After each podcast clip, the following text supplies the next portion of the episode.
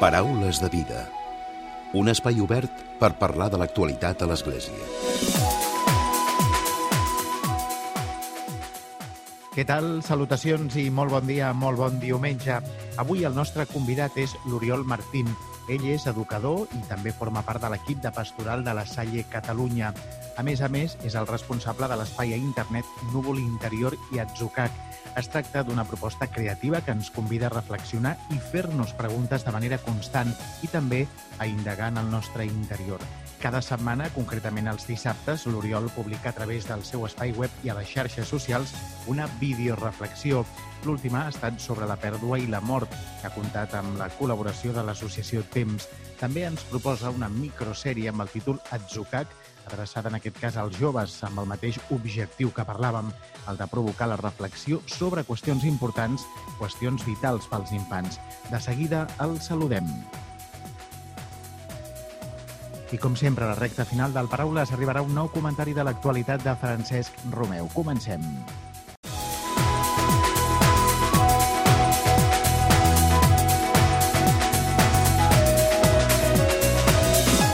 Paraules de vida, amb Emili Pacheco. Oriol, bon dia i benvingut al Paraules de vida. Hola, bon dia.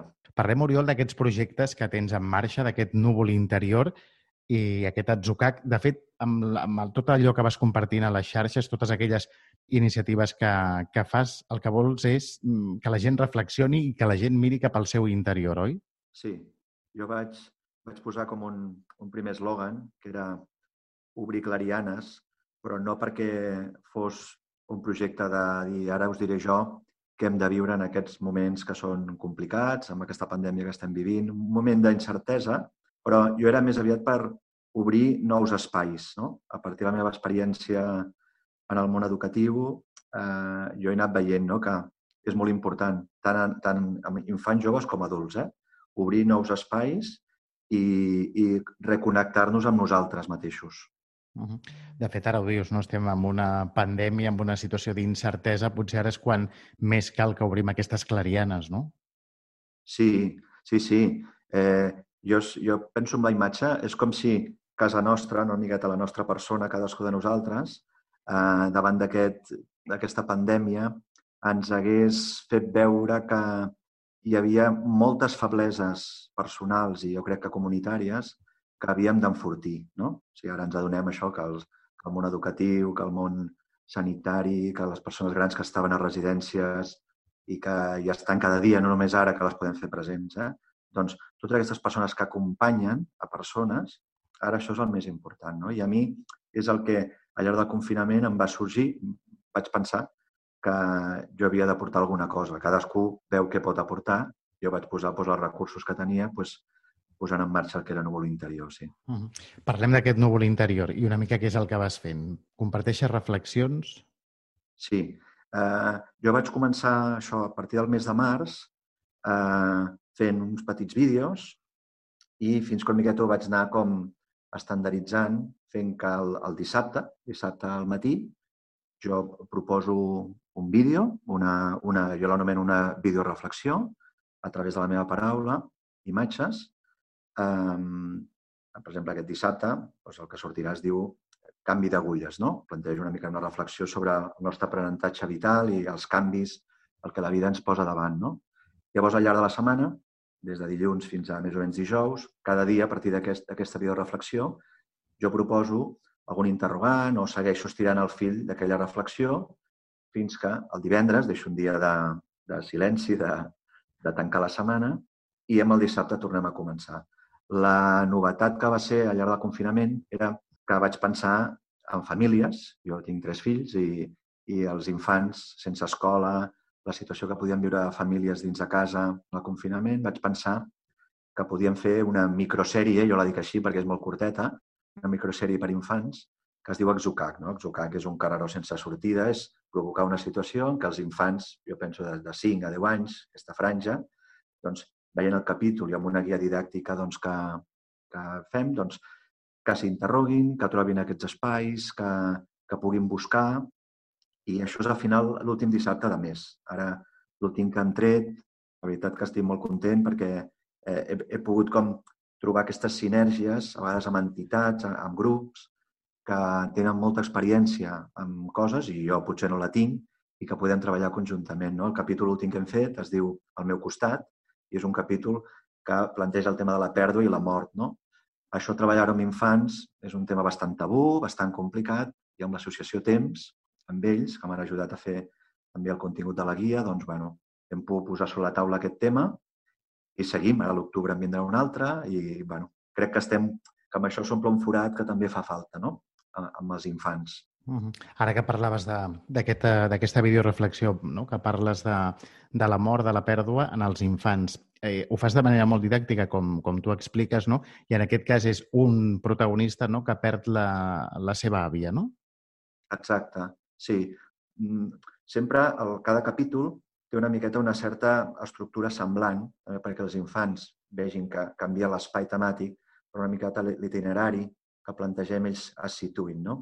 Sí, és un dels personatges, el Pau, ell està a l'escola esperant que vingui la seva àvia com cada dilluns i l'àvia no ve, no? I, evidentment, aquí hi ha una pèrdua, ell sent una pèrdua i la viu com pot i entra també tota la seva ràbia, com ell lluita contra aquesta pèrdua, fins que a poc a poc va fent el procés, no? una miqueta de eh, recollir quina ha sigut l'experiència amb la seva àvia, acabar a que aquesta experiència et projecta d'alguna manera cap endavant, ell, ell pensa que jugava als cacs amb la seva àvia i, i aquests escacs al final ho pot compartir amb els amics. No? Dir, ostres, sempre he jugat amb els escacs, és una experiència i jo, amics, amigues que m'acompanyeu, jo també us ensenyaré què he après de l'àvia. No? Fem un procés, i que és molt important també que llavors els educadors, educadores, amb un, amb un esplai, amb una parròquia, a l'escola, puguin una miqueta treballar tot aquest procés. No? Treballar-ho a la tutoria, treballar-ho amb l'espai que es vulgui eh, i per això la guia. La guia també és un acompanyament, perquè no, no és només fer la part audiovisual, la història, sinó que la guia pugui acompanyar i els educadors, educadores, famílies tinguin eines també per, per treballar això. No? Uh -huh. sí. Aquí hi ha molta feina també darrere, no? O sigui, no és només fer un vídeo, produir o realitzar un, un petit vídeo, sinó que hi ha aquesta feina de, darrere fons, no? Del per què sí. de tot plegat. Exacte, exacte. El, jo penso que aquí està una miqueta el donar-li el valor a les coses, no? O sigui, no és només... Per mi no només era fer, fer perquè jo tenia necessitat, mira, faig unes, unes reflexions o, o els infants que es distreguin, sinó realment omplir, omplir un buit. A mi va haver un moment que em va, em va xocar molt, que jo anava llegint llibres i autors i no, humanistes, professors d'universitat, no? l'Otto Scharmer o la Júlia Cristeva o gent, eh, o el, el, el professor... Eh, eh, és, és igual, no te'l dic. -hmm. eh, persones del món de, la, de humanístic i cultural o, o de la sociologia que parlen de que estem en una bretxa, hi ha una bretxa que hem de cobrir, una bretxa a nivell individual, a nivell eh, social. Llavors, en aquesta bretxa, que és com, com un pont que hem de crear, doncs és on vaig dir, bueno, Oriol, jo aquí és on puc aportar de la meva humil experiència, no? des de la meva senzillesa, doncs provocar aquest, obrim llums i creem espais en què, il·luminant aquest espai, un es pugui provocar aquest exocat, d'alguna manera aquest, aquest interrogant, no? Vale? Uh -huh. Són reflexions, Oriol, eh, adreçades als infants, però també als adults, no? Sí. Bàsicament, el plantejament dels dissabtes, a part d'aquest de final de mes que és per infants, és per adults, joves, eh? Qualsevol persona que, que pugui tenir ganes una miqueta de, de deixar-se provocar, vale? d'alguna manera. Jo sempre faig, intento també incorporar un element que per mi crec que és important, que és el, que és el relat. No? Ens fa falta provocar relats interiors, no? O sigui, el relat, no? una miqueta com deia Sant Agustí, no? el, aquest relat que ens porta cap a l'interior, hem de poder-lo provocar. Estem faltats de, de relats concrets, de històries que ens obrin aquesta interioritat. No de eh, dogmes o com històries que ens portin a, a dir, bueno, i, i què ets de creure ara? No, no, el que, el que hem de creure no. El que hem de fer és anar cap a aquesta experiència interior i que tu hi puguis posar nom, vale? puguis, puguis posar les teves etiquetes, el que, el que tu t'identifica en aquest moment. No? Has parlat també, crec que una de les últimes publicacions parla sobre la sobrecapacitat, no?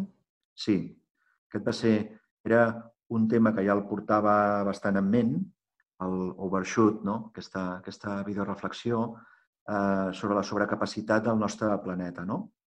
Era una reflexió que creia que valia molt la pena perquè, res, ara el mes d'agost, doncs això, eh, arribàvem a, a utilitzar tots els recursos, diguéssim, que i ja està, i, i, i ja, ja no els podem regenerar. O sigui, hem arribat a la sobrecapacitat de recursos al nostre planeta. No? I això em portava, altre cop, aquesta reflexió no? de sí que hi ha una actitud aquí personal, però és veritat que a nivell de consciència planetària, aquesta relació d'espiritualitat-ecologia, eh, aquí obríem una porta que em semblava doncs, molt, molt important ara tocar-la perquè no només és una ecologia de dir, és veritat, hi ha un canvi climàtic de fons, sinó que això afecta a la realitat de persones, altre cop, no?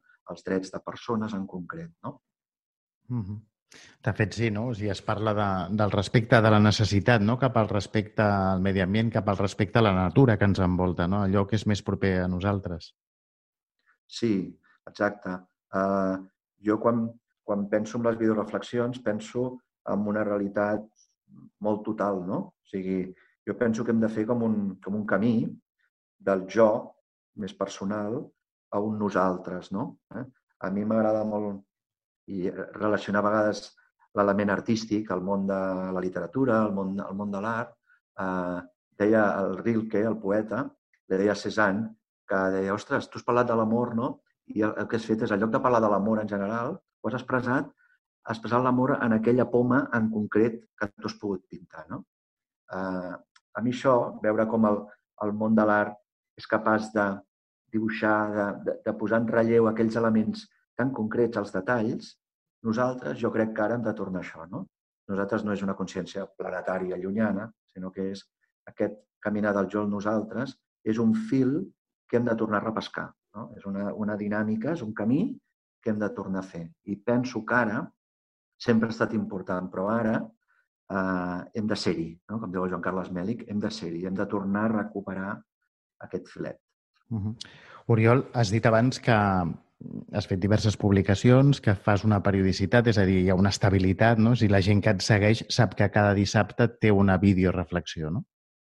Sí, exacte. Sí, també em semblava això com important a l'establir-ho, no? O sigui, que hi hagués una, una periodicitat. periodicitat i que hi ha, hi ha un camí, és veritat que cada videoreflexió, o sigui, no hi ha un fil entre elles, que aquí també estava per mi l'important, no? que era obrir eh, videoreflexions, temes i espais ben diferents i que fos els oients, les persones que, que cada setmana puguin deixar-se interpel·lar, que ells facin una mica el lligam, no? que facin també la, la seva connexió personal.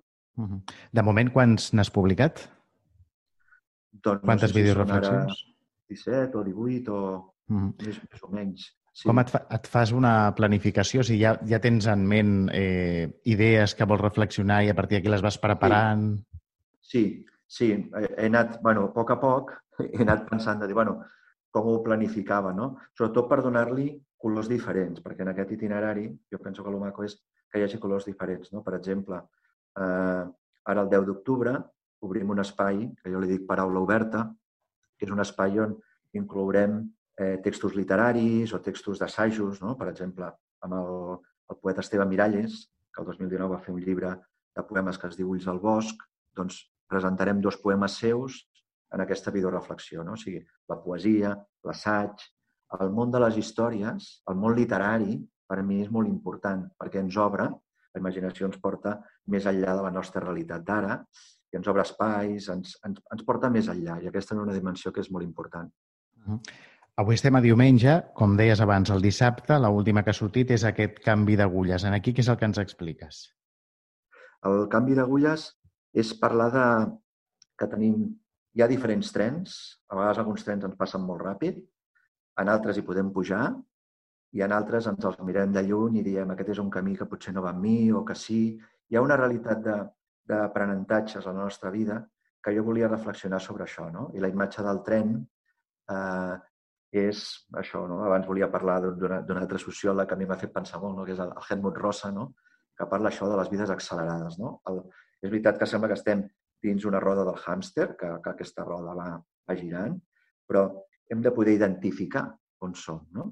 I aquesta imatge dels trens sí que és veritat que pot semblar que altre cop són trens que, que no van amb nosaltres, però sí, jo ho connecto en què el tren de la teva vida va amb tu.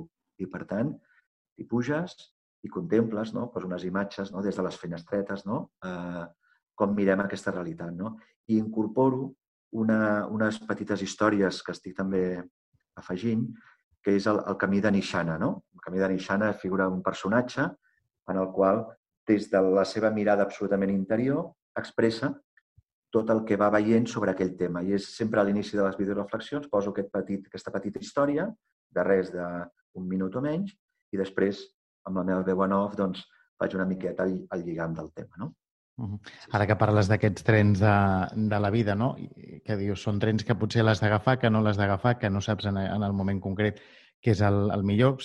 I a vegades, no, quan parlem d'aquests trens i d'aquesta metàfora també que és que, que segurament tots hem rebut alguna vegada la pressió de dir has de prendre una decisió, l'has de prendre ara, i dius i, i, i te parlen d'aquest tren. No? El tren només passa potser una vegada, i no, no? O sigui, el tren de la vida va passant contínuament. No? Exacte, exacte.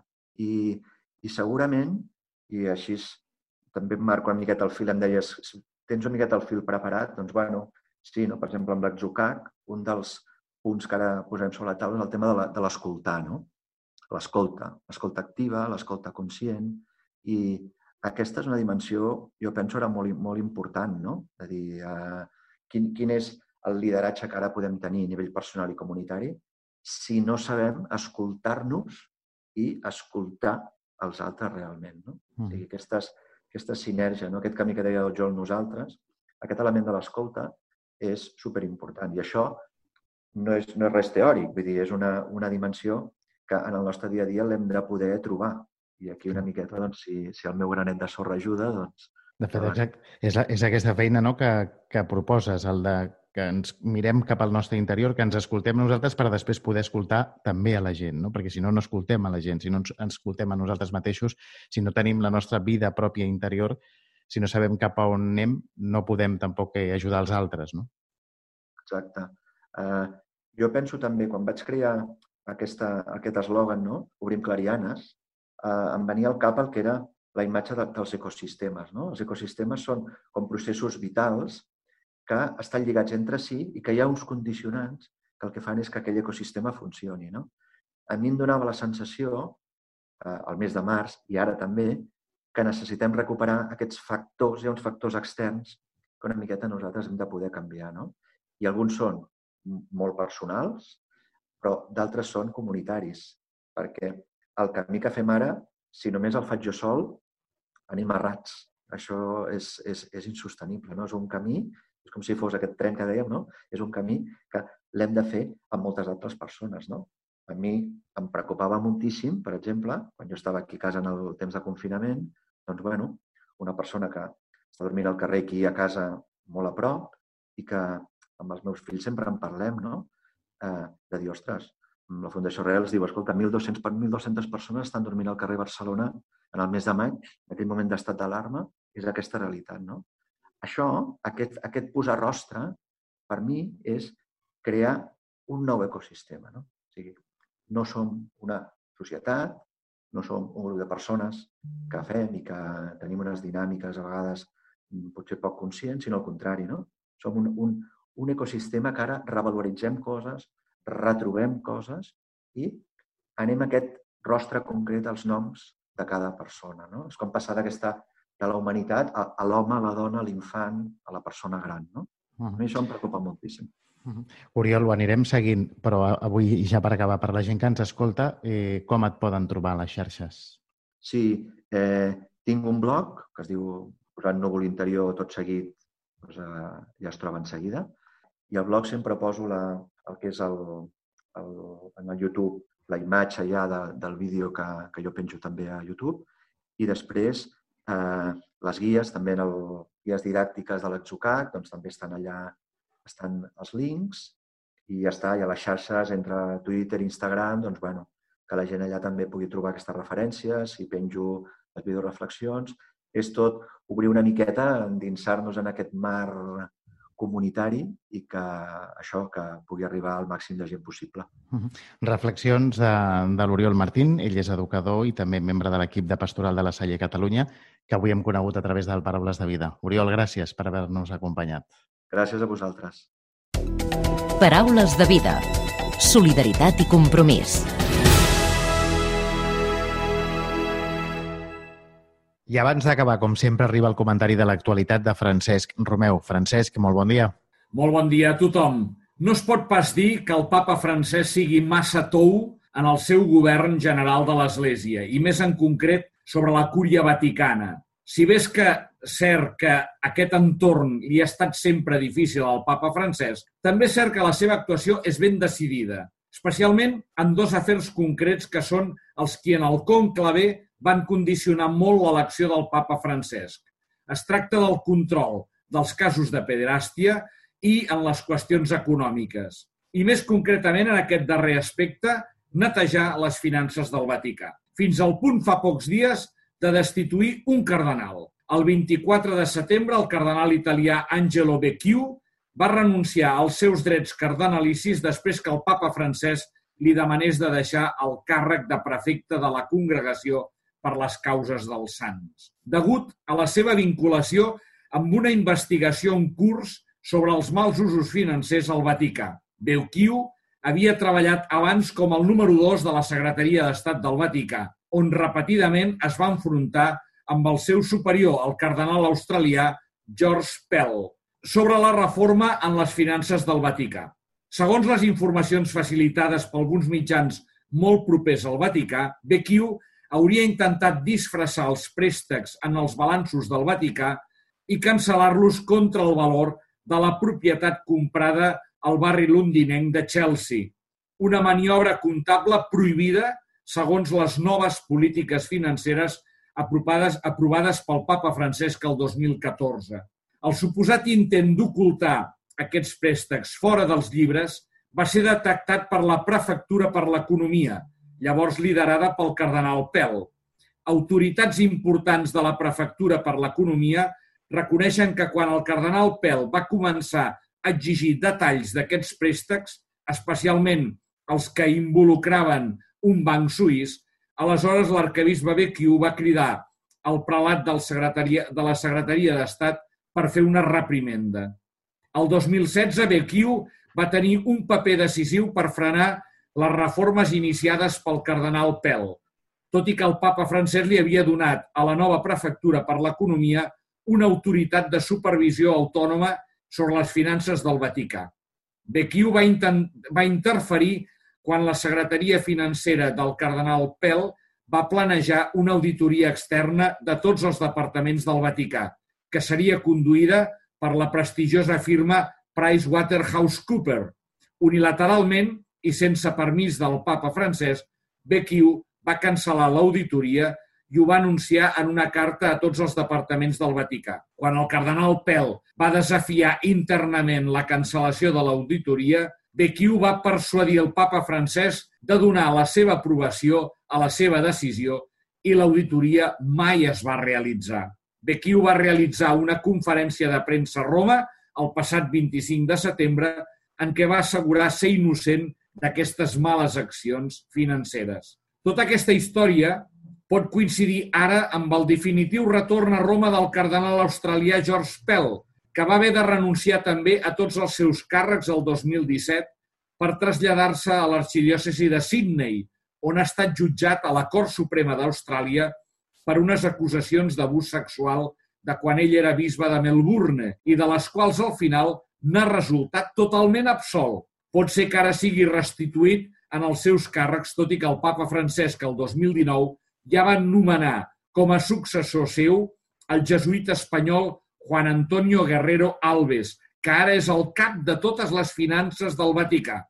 Per acabar, dues notícies més del papa francès. Primera, aquest dimarts 29 de setembre s'ha publicat ja el tema que el papa Francesc ha triat per la 55a Jornada Mundial de les Comunicacions, que se celebrarà el proper diumenge 16 de maig del 2021, festa de l'Ascensió del Senyor. El tema és Vine i ho veuràs.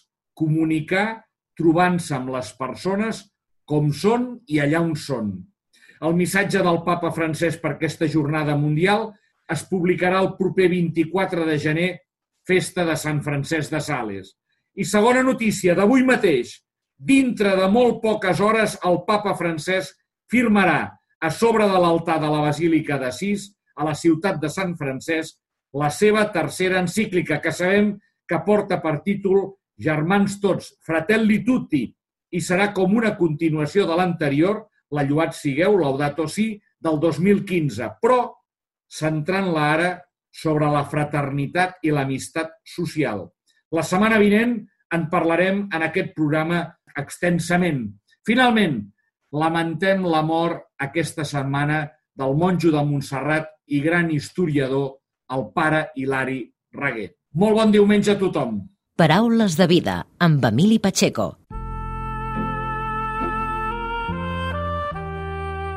Us oferim la carta dominical de l'arcabisbe de Barcelona, Joan Josep Omella.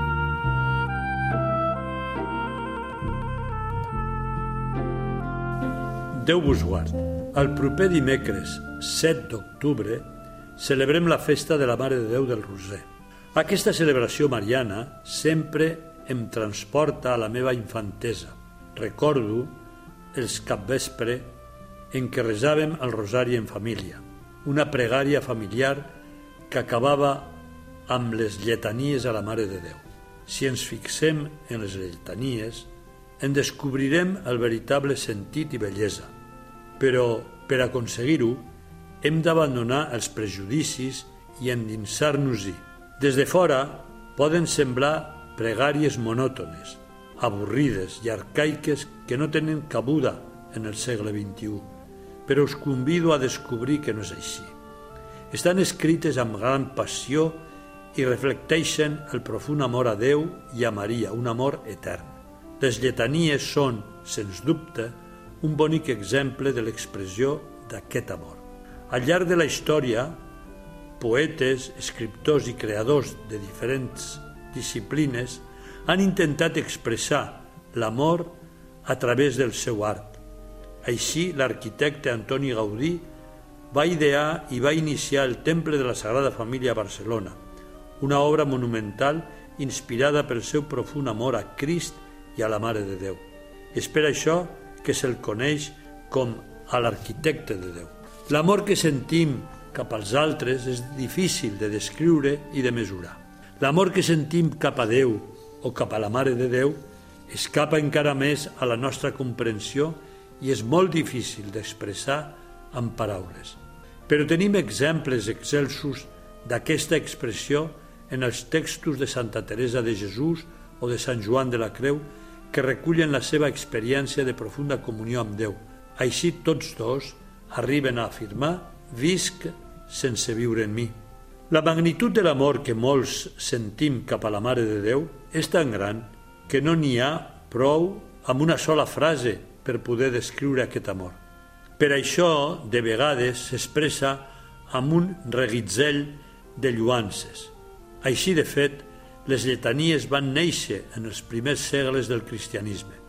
Eren súpliques dialogades entre els preveres i els fidels – i es resaven sobretot en les processons. Encara que en un principi eren dirigides només a Déu, es van afegir amb el temps invocacions als sants i especialment a la Mare de Déu. Les lletanies marianes van començar a multiplicar-se en els segles XV i XVI. Des de llavors ha plogut molt i la societat ha canviat, però les lletanies segueixen aquí, segueixen tenint una força immensa i una gran profunditat si les llegim no de forma mecànica, sinó amb el cor i tenint en compte que qui les ha escrit és una persona enamorada de Déu i de la Mare de Déu, les gaudirem. Aturem-nos en cada paraula, en cada frase, sense presses, amb amor, amb passió, tancant els ulls i obrint l'ànima. Contemplarem la Mare de Déu que ens està observant i escoltant. Benvolguts germans i germanes, us animo a resar el rosari, a oferir roses a Maria, especialment en aquests dies. Ens ajudarà a veure la realitat amb la seva mirada i ens portarà cap al seu fill. Demanem a Maria que ens acosti a la vida i a les paraules de Jesús. Santa Maria, Mare de Déu, prega per nosaltres. Us hem ofert la carta dominical de l'arcabisbe de Barcelona, Joan Josep Omella.